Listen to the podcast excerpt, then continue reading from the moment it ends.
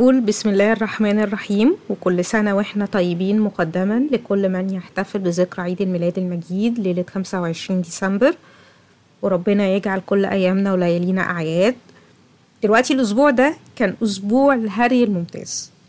بدءا من المناقشات البيزنطية يوم الحد إن يا ترى قطر اعتادت وسرقت فرحة العالم بتتويج ميسي والمنتخب الأرجنتيني ببطولة كأس العالم لما الأمير تميم تجرأ ولبس أبو تيجو البشر الخليجي اللي هو يعني أصلا من أهم أنواع التكريم في الخليج العربي. ويعني يبدو إن البشت شكله هيبقى موضة والأرجنتينيين نفسهم فرحانين بالموضوع بس إحنا لسه بنهري وبنلت ونعجن فيه. طبعا عندنا الهري حول القرارات الاقتصادية والقرار المرتقب للجنة السياسات النقدية في البنك المركزي المصري.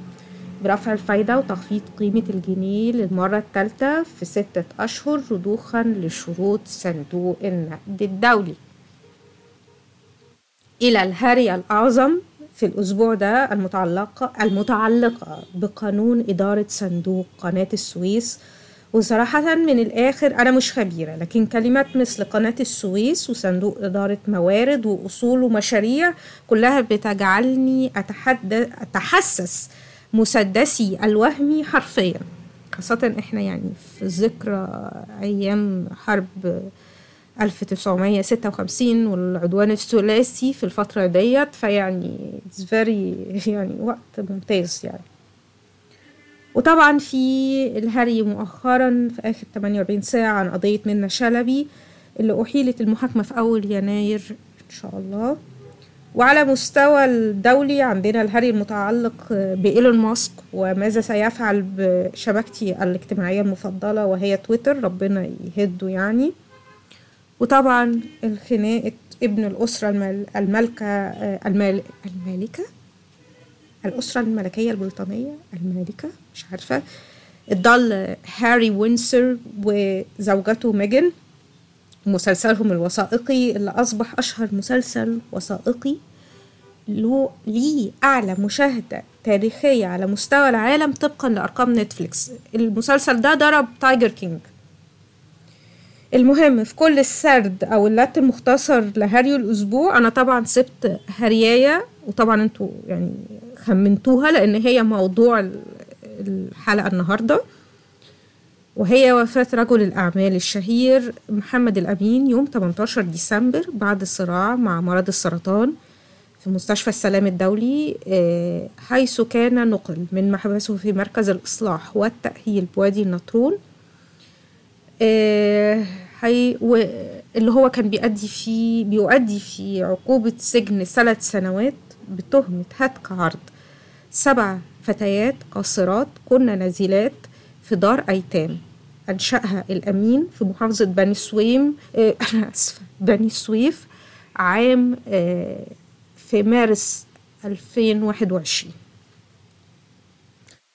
قبل ما نذكر قبل ما نذكر السادة المستمعين بالجريمة الشنعاء ونفكرهم بيها لأن يبدو الإعلام تناساها بمعنى الكلمة وتم تسهيفها رغم إن هي شيء مش صغير بكل المقاييس وشيء آه هو الراجل كان عنده المحاكمة كانت في يوم 28 يناير كانت مفروض الجلسة بتاعة آه النقد محكمة النقد إن هي تشوف يا ترى في إعادة محاكمة أو لأ آه كانت يوم 28 يناير.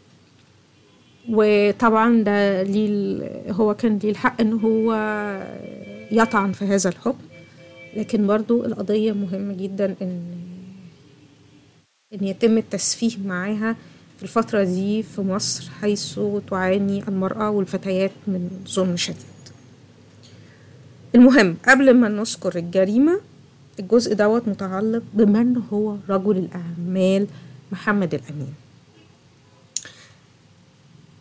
رجل الأعمال محمد الأمين أصبح في الصيف 2011 هو رجل الإعلام. بمعنى الكلمة media mogul بمعنى الكلمة media tycoon بطريقة إحنا ما شفناهاش. حتى نجيب ساويرس نفسه ما كانش عنده ال level من ال أو, أو ال shares اللي كانت موجودة في الحاجات ال- من القنوات والجرايد فمن هو ذلك الرجل؟ It's very interesting هو شيء مثير جدا. اولا مش معروف تاريخ ميلاد محمد الأمين لكن هو ولد في محافظة بني سويف. تخرج من كلية الهندسة بجامعه الإسكندرية. طبقا لما ذكر في الإعلام محمد الأمين بدأ العمل في شركة مقاولات. وهنا بقى كنت عايزة أقول إن في خلط بين محمد الأمين وشركة الأمين البلاستيك اللي مشهورة بصناعة قواعد التواليت. عارفينها؟ اللي هي كانت إعلاناتها زمان جيل يفتكرها. كانوا بيجيبوا فيل واقف على الكابينيه علشان يثبتوا مدى القعده قعدة التواليت البلاستيك بتاعتهم. وإنه مش بيتكسر. مش عارفة إزاي. واصلا جابوا الفيل ده منين؟ ده كان سؤال في دماغي دايما. يلا ما علينا. أظن الخلط ده جه من الحقيقة إن مرتضى منصور في آخر عشر سنين في الخناقة اللي كانت مع الله يرحمه بقى محمد الأمين كان دايما بيقول له يا بتاع الكابينيهات. كما لو كان ده عيب. يعني هو أساسا ده الشيء ما يعيبوش أو يعيب أي شخص إن هو عنده شركة تصنيع بلاستيك للقواعد ال- ال- التواليتات. لا ش... لا يعيب شخص. بس طبعا إحنا عارفين مرتضى منصور. خلينا دلوقتي لأن إحنا هنرجع تاني لمرتضى. بس خلينا دلوقتي. الفكرة إن شركة الأمين للبلاستيك تم تأسيسها عام 1978 وقت ما كان محمد الأمين أصلا شغال في الكويت طبقا للإعلامي خيري رمضان اللي قال يوم الثلاثاء في برنامجه على قناة القاهرة والناس إنه التقى آه الأمين في الكويت سنة 77 حيث أنشأ كان شركة للبنية التحتية وقال إن أصلا آه آه الأمين كان ابتدى كاريره أو شغله في العراق بس أصله هو خسر كل فلوسه في الحرب. حرب إيه معرفش لأن الحرب العراقية الإيرانية اللي هي مفروض هو يعني اي ثينك إن هو كان بيشير ليها أو بيشير ليها كانت سنة 1980 وعلى فكرة كان الناس ما خسرتش فلوسها قوي. يعني كانت الفترة between حرب الخليج لا هي كانت الحرب الخليج الأولى كانت العراق متنغنغة فيها على أي حال. طبقا لموسوعة المعرفة على الإنترنت عاد محمد الأمين لمصر لينشئ شركة استصلاح أراضي في عام 2002 ثم في 2005 دخل كشريك لرجل الأعمال منصور عامر في عامر Group. هي مشاريع بورتو. وحتى هذه اللحظة حتى هذه اللحظة في 2005 لم يكن اسم محمد الأمين معروف قوي للناس اللي خارج المجال. حتى أن أتت عام 2011 وثورة يناير المجيدة وكل سنة وأنتم طيبين مقدما وألف رحمة ونور على أرواح شهدائنا فيها. فجأة في يوليو 2011 ظهر اسم محمد الأمين كرجل إعلام حيث أنشأ قناة سي بي سي أو شبكة سي بي سي اللي هي كانت ابتدت بقناة CBC وبعد كده دخلت كذا قناة. وبعدين في سبتمبر 2011 استحوذ على 85% من شبكة النهار. ثم استحوذ على شبكة Modern TV اللي كانت مشهورة جدا من مالكها وليد دعبس على فكرة وليد دعبس ده كان العدو التاني بتاع مرتضى منصور. يعني يمكن الخناقة كانت كده. سنة 2013 وده الإعلام المرئي. إحنا بنتكلم عن أربعة تقريبا المجمل بتاع القنوات اللي كان هو يمتلكها 14 قناة تلفزيونية.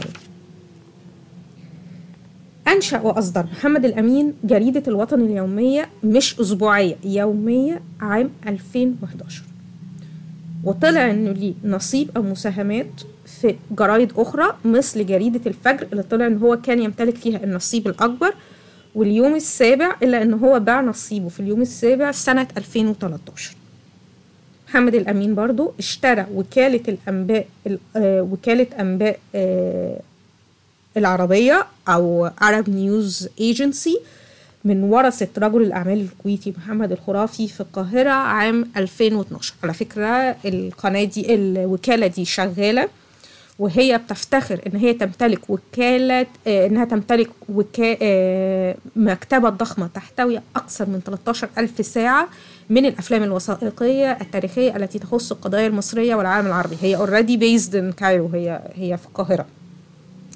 وشغاله طبعا لما تخش على الاعلانات بتاع ال official website بتاعها هتشوف القنوات اللي هي بتخ... بتخد... يعني بتخدمها في مصر منهم بي بي سي تلفزيون دولة الكويت طبعا حاجات المتحدة Sky News Arabia الحرة يعني Russia Today Eurovision حاجة كبيرة. كل ده عمله محمد الأمين في الفترة between 2011 2013 السؤال اللي كان بيدور في كل تلك السنوات من أين أتت هذه الأموال للأمين الذي كان خارج الوسط الإعلامي بمعنى الكلمة؟ الإشاعة اللي كانت منتشرة في أرجاء آه، مدينة الإنتاج الإعلامي إن ده كان توظيف أموال لرجال أعمال كويتيين. وإن في فلول من رجال أعمال مبارك. يعني كانت اوريدي في شائعات كتيرة ومنطقي لأن الراجل ما كانش معروف هو مين. الإعلامي خيري رمضان قال في برنامجه من يومين إن في 2011 عندما توجه الأمين نحو الإعلام ذهبنا إلى أحد أجهزة الدولة الكبرى وعرض الأمين جميع حساباته وأمواله من أجل إنشاء سي بي سي طبعا دوت قبل يوليو 2011 اللي هو إطلاق القناة. كانت قناة واحدة وليست إمبراطورية إعلامية في خلال ثلاث سنوات. دي كانت أول نجمة تواجهنا في موضوع محمد الأمين. ده بقى هنشوف اللي حصل في 2013 قبل برضو ما نخش للقضية بتاعتنا. في يوليو آه، 2013 أطلق صندوق آه، دعم مصر اللي هو الصندوق اللي قبل تحيا مصر وكان مخصص لتطوير العشوائيات. آه، محمد الأمين كان عضو مجلس إدارة. آه، في يونيو 2014 آه، أعلن رجل الإعلام محمد الأمين أنه متبرع بالنصف ما يمتلك من مبالغ مادية وعينية وأسهم في شركاته لصالح مصر. وصراحة لم نعلم تحديدا قد إيه النص ده أو قد إيه ثروته اللي هو أعلن أنه هو متبرع بيها للدولة أو لمصر نفسها. في ديسمبر 2014 آه، تم إنشاء صندوق تحيا مصر وكان الأمين من ضمن الأعضاء مجلس الإدارة اللي تم تعيينهم بقرار جمهوري مع ناس زي علي جمعة ونجيب ساويرس وباسل الباس في أكتوبر 2015 نشرت الجريدة الرسمية قرار بإنشاء وضم غرفة صناعة الإعلام المرئي والمسموع إلى اتحاد الصناعات. وكان محمد الأمين بيرقصها وأعضائها كانوا من مالكي القنوات التلفزيونية. ومن هنا ابتدى صراع مرير بينه وبين مرتضى منصور. أو هي كانت أساسا الخناقة بين مرتضى منصور والغرفة ومحمد الأمين اللي كان بيرقصها. بسبب ال- التعليقات اللي في البرامج الرياضية. صراحة مش أي حاجة.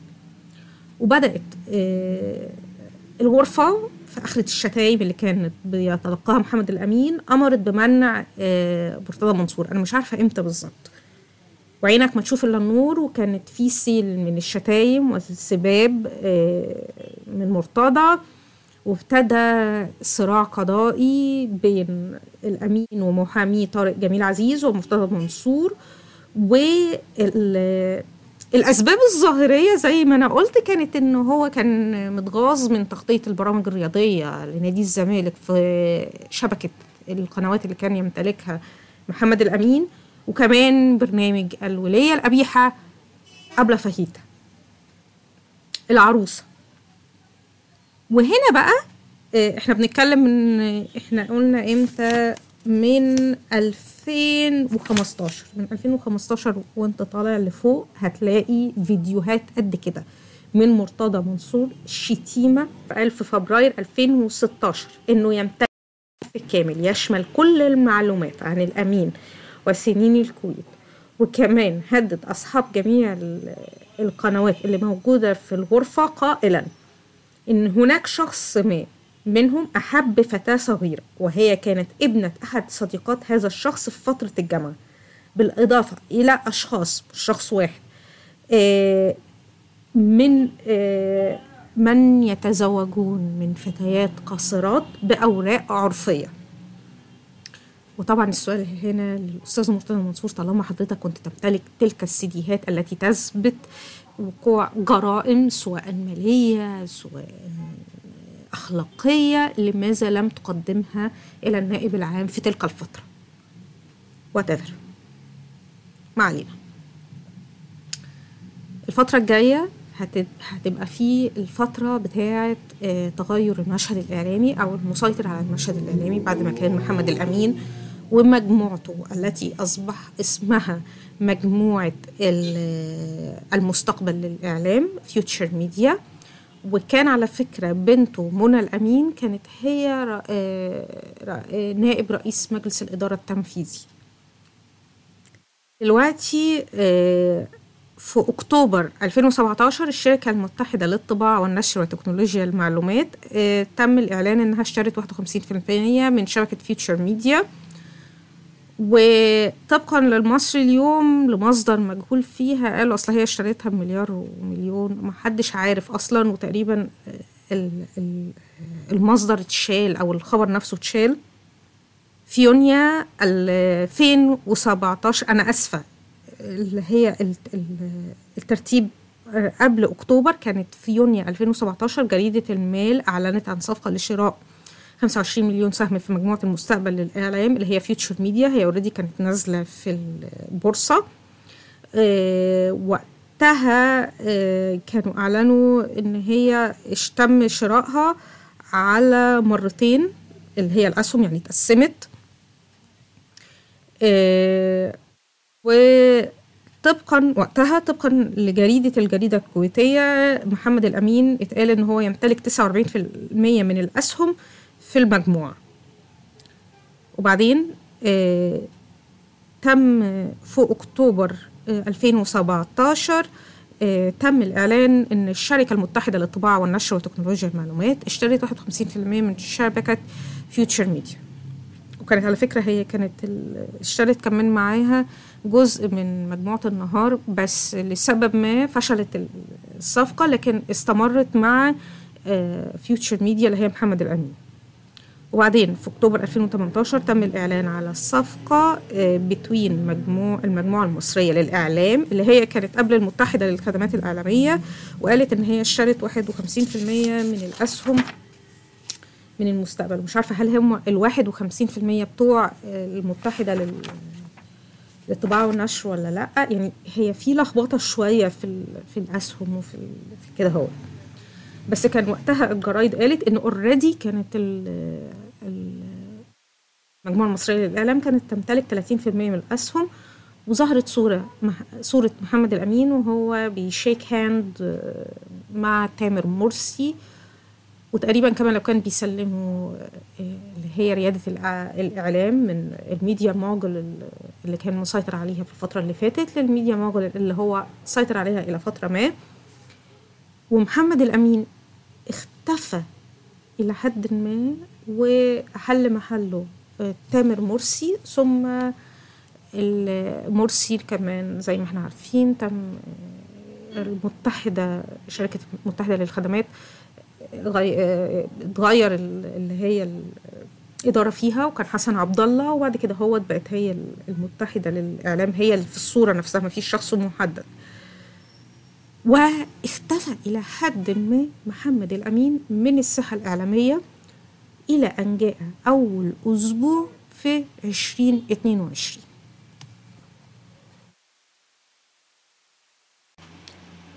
في اليوم السابع من شهر يناير 2022 فاكرة بالظبط الوقت دوت بالليل اتفاجئنا جميعا ببريكنج نيوز عاجل ألقت قوات الأمن المصرية القبض على رجل الأعمال الشهير محمد الأمين من فيلته في القاهرة.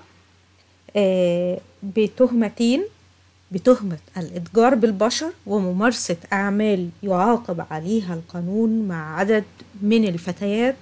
في دار للأيتام كان قام بتأسيسها في محافظته محافظة بني السويف في شهر مارس واحد وعشرين. عشرين واحد وعشرين. وهنا كانت المفاجأة الكبرى. ال comeback اللي محدش لم يكن يتوقعها. وكان إيه أنا فاكرة أول أسبوع وكله متكتك في البيوت وفجأة نزل الخبر بالليالي والدنيا اتقلبت وقتها. يعني أصل هي مش تهمة تهمة صغيرة. إحنا بنتكلم على إتجار في البشر وبنات في دار للأيتام. يعني it's like like يعني ال level ما شفتش حاجة أوسخ من كده. أنا آسفة في اللفظ يعني مش هقول لك أوطى من كده لكن أوسخ يعني حاجة level اجرام عالمي. الخبر آه قال إن في بلاغ راح للأمن. ان هو ارتكب جرائم يعاقب عليها القانون في دار الأيتام وإن الدار الأيتام دي اسمها دي بقى لسخرية القدر الأيدي الأمينة. هي طبعا هو جاية من اسمه الأمين بس طبعا الأيدي الأمينة وتحصل جريمة زي جرائم زي دي صعب جدا. في يوم 8 يناير صدر قرار النيابة بحبسه أربع أيام. وكان يوم 8 يناير هو بقى الايه يعني كان هو حديث المدينة. بصوت الله يرحمه مفيد فوزي في اليوم ده. أنا فاكرة كويس. وبرامج التلفزيون التوك شو والمواقع الإخبارية اللي دلوقتي بتترحم عليه وبتذكر محاسنه. عرضت مصايب وأهوال وحاجات بشعة والوزيرية التضامن الاجتماعي نيفين القبقاش طلعت في يعني عملت تور كده هوت على برامج برنامج نشأة الديه على برنامج أحمد موسى بتدافع عن نفسها طبعا لأن كان ظهرت صورها في افتتاح الدار في مارس على صفحة الوزارة الرسمية في الفيسبوك بس هي اتشالت بعديها بكام ساعة ولكن الأرشيف الصحفي لازال موجود ولا تزال ال post بتاع افتتاح لدار أيتام الأيدي الأمينة في بني سويف مع محمد الأمين كجزء من مجمع الأمين الخيري في المحافظة موجودة على الصفحة الرسمية لرئاسة الوزراء المصرية حتى هذه اللحظة. بصراحة أنا مش عارفة ليه. يعني بجد اللي يشوف التغطية اللي كان فيها الموضوع في 8 يناير وبعد كده يشوف الحاجات اللي نزلت عنه الأسبوع دوت يعني مش عارفة بقى يعني محاسن الحلو ناقص تقول يعني كفاية بقى يا جماعة كفاية. المهم الجدير بالذكر إن في يوم 8 يناير وزارة التضامن الاجتماعي نزلت بيان إن هي قفلت الدار بعد ورود حدوث انتهاكات وإن هي حققت وبعتت لجنة وإن هي أرسلت الفتيات لدار أخرى. نيفين القبقاش طلعت زي ما أنا قلت مع أحمد موسى ونشأة الديه تقول إن بعد قرارها لنقل الفتيات وإغلاق دار الأيتام حاول يتصل بيها على تليفونها الشخصي أو الموبايل بتاعها محمد الأمين بس هي ما ردتش عليه. آه طبعا هي القبقاش كان عليها هجوم بشع وقتها. آه في نفس اليوم مرتضى منصور نزل فيديو تحت عنوان لينصرنك ربك ولو بعد حين. وفي الفيديو كومبايليشن لشتيمة محمد الأمين وتهديدات مرتضى منصور. بضربه بالجزمة في الفيديو. ويعني الفيديو كان تقريبا نموذج للميم الشهير لكابتن طارق يحيى أنا ربنا نصرني. وطبعا السؤال الأزلي يا, أس... يا أستاذ مرتضى طالما حضرتك تعلم كم الفساد الهائل اللي ارتكبه محمد الأمين لماذا لم تتقدم؟ بما تملكه من مستندات وسيديهات للنائب العام قبل ذلك من عام 2016 وطبعا دي أسئلة يعني أنا مش عارفة. أسئلة الله أعلم. المهم اليوم ده ليه أنا فاكراه؟ حلو لأن كمان في الأهم واحد من اللعب مش هقول أهم واحد لكن اللعب دور أساسي. في توصيل القضية لمكتب النائب العام.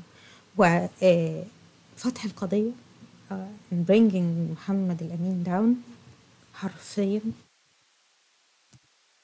طلع يتكلم. وهو الأستاذ رامي الجبالي.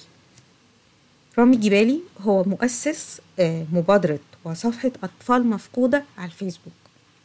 الصفحة دي طبعا أطلقها من سبع سنين وأصبحت أشهر وأكبر صفحة بتعمل على العثور على الأطفال المفقودة وكمان على العائلات المفقودة مش بس على مستوى مصر لكن على مستوى العالم العربي. طبعا إحنا لسه فاكرين إن الأسبوع اللي فات كان عمل هيدلاينز كبيرة جدا في الإعلام لما نجح في العثور آه، على سيدة كان ابنها الأردني هي سيدة مصرية آه، ابنها الأردني كان بيبحث عنها. بعد ما أبوه منه لله قال له إن هي توفت آه، من 40 سنة. وكان لم شمل جميل جدا وحاجة تطير في كده رامي جبالي بصراحة هي دي كانت أول مرة أعرف إن هو الرجل وراء هذه الصفحة الشهيرة من خلال هذه القضية. الحق يقال على الرغم هو صفحة بتلعب دور مهم ومن أكتر الصفحات فايرال على مستوى مصر. إلا إنه بصراحة أنا مش شايفة له وجود زي نشطاء تانيين الحق يقال في مجالات تانية خيرية وده لا ينقص منها من تل يعني تلك من مجموعة النشطاء دول لكن الحق يقال يعني هو مثلا مش معروف قوي. آه المهم طلع في صفحة آه، أطفال مفقودة مع الصحفية جهاد عباس يتكلم عن القضية دي آه ولأول مرة نعرف التفاصيل بتاعتها. طبقا آه لكلام رامي هو أولا أنا عايزة أقول حاجة. رامي جبالي اوريدي كان في السبع سنين دولت حقق نجاحات كبيرة جدا في العثور مش بس على أطفال مفقودة وعائلات مفقودة لكن كمان نجح إن هو يبلغ على كمية مش صغيرة جدا عن انتهاكات بتحدث في دور رعاية الأطفال وملاجئ الأيتام ع- في مصر. بمساعدة خط نجدة الطفل التابع للمجلس القومي للأمومة والطفولة. النجاحات دي خلت إن هو يبقى عنده اتصال بخط النجدة من مكتب ال- المجلس القومي للطفولة للأمومة والطفولة دايما بتلخبط فيه. اسم طويل قوي أصلا وكمان بقى عنده contacts أو يعني اتصال أكتر بمكتب النائب العام. يعني هو بقى عارف إزاي يتصرف. ومن ناحية تانية كمان بقى عنده contacts في وزارة التضامن الاجتماعي. وزارة التضامن الاجتماعي للذي لا يعلم هي المسؤولة عن دور الرعاية والملاجئ في مصر. طبعا إحنا مش محتاجين نتكلم على إن دور الرعاية للأسف في مصر محتاجة يعني مش مجرد تغيير دي ثورة من تحت لفوق ومن فوق لتحت وانسف تخلص من حمامك القضيب صراحة. يعني أنا في رأيي إحنا محتاجين حاجة زي ال child service وقوانين أحسن عشان تحمي الأطفال في دور الرعاية. اللي هي أصبحت يعني آه، الداخل مفقود على فكرة ده من زمان من أيام العصر الملكي يعني آه، عايزين حاجة توضح ارجعوا الأفلام زمان الأبيض وأسود وإزاي بيتم آه، ال... إزاي بيتم. يعني. كان بيتم. تصوير دور الرعاية وكمان إحنا عندنا مذكرات ناس مشاهير زي الفجومي الله يرحمه أنا على فكرة دلوقتي بهري ولالت في حاجة بعيدة والموضوع بيبهوى. المهم أنا هرجع تاني لرامي الجبالي ربنا معاه ويكرمه كمان على الخير اللي بيعمله. أكيد إن شاء الله بإذن الله ربنا هيوقف يوقف له ولاد الحلال زي ما هو وقف لأطفال كتير. دلوقتي طبقا لل live stream بتاع الجبالي اللي هو كان ساعة ونص وكان طويل هو كان أول واحد تحرك وقدم بلاغ لنجدة الطفل كمان لمكتب النائب العام. الموضوع وصل له أصلا من شهر ونص يعني تقريبا من نوفمبر واحد وعشرين عن طريق whistle blowers أو مسربي معلومات في آه، وزارة التضامن الاجتماعي من موظفين.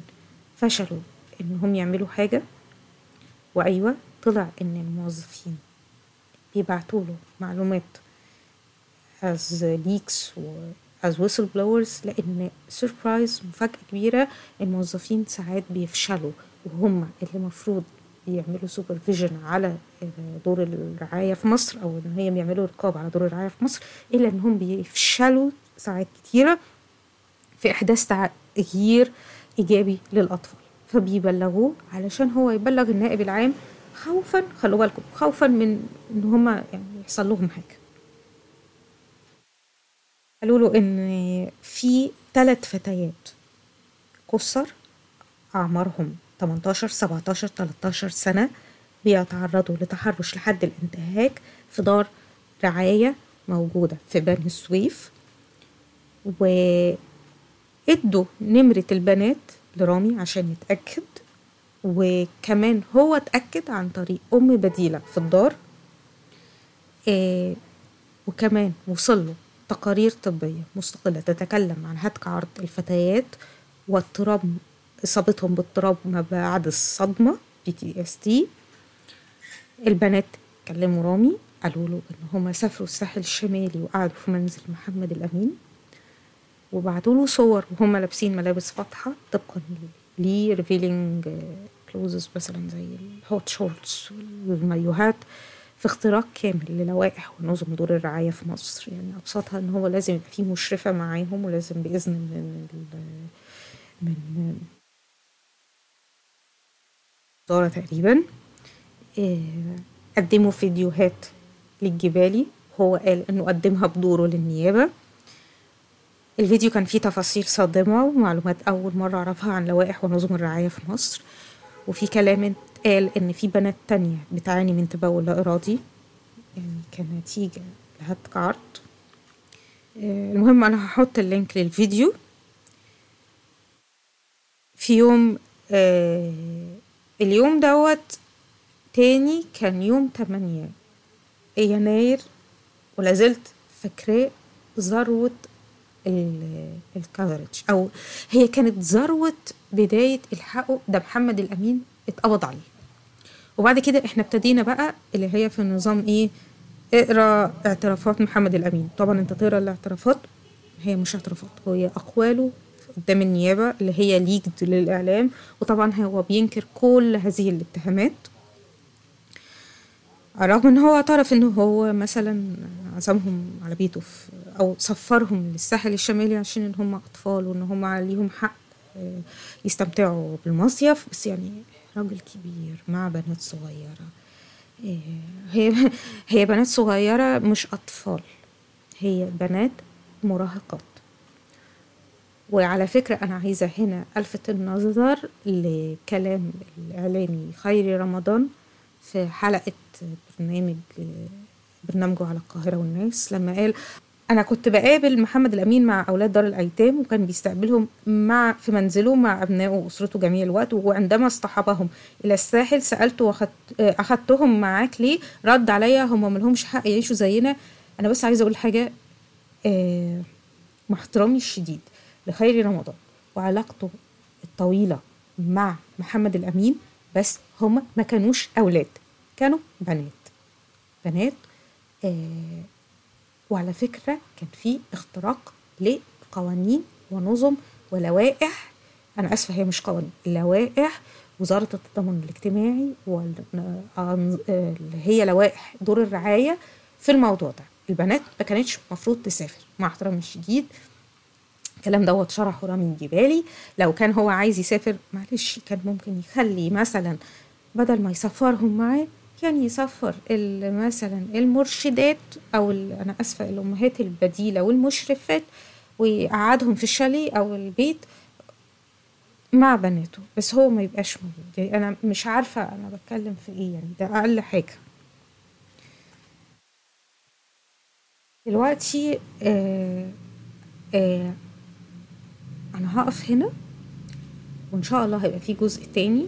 وما تخافوش أنا مش هبقى مياس زي كل مرة وأضحك عليكم وما أسجلهاش لأن أنا هوقف بس هنا أهوت عشان الوقت لأن أنا عارفة إن أنا اتكلمت كتير.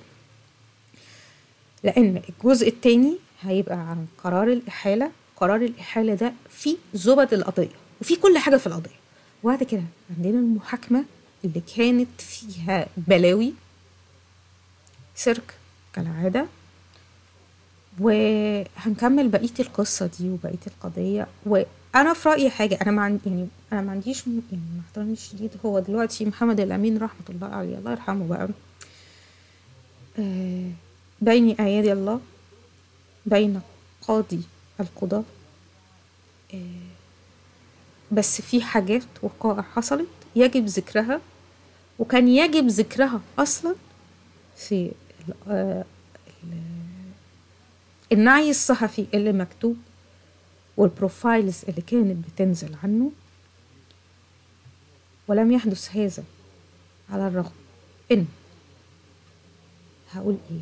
يعني في في شيء يعني إحنا داخلين على سنة كمان أسبوعين هنبقى سنة. كانت نفس الصحف ونفس القنوات ونفس المذيعين كانوا بيهاجموا الراجل. إيه هكمل معاكم إن شاء الله. الحلقة الجاية أنا بس هعمل هنا stop وهسجل والله التانية يعني أنا سهرانة دلوقتي مش هنام مع رغم عندي شغل قد كده وحاجات قد كده اليوم بكرة. وعندي مشاوير وعندي حاجات بس إن شاء الله هعملها بإذن الله. لأن already أنا كنت عاملة السكريبت وموضباه وزودت عليه حاجات يعني ال- ال- الهري واللت والعجن بتاعي المعتاد. okay. وهنا سكتت شهرزاد عن الكلام المباح. ونكمل إن شاء الله في الجزء الثاني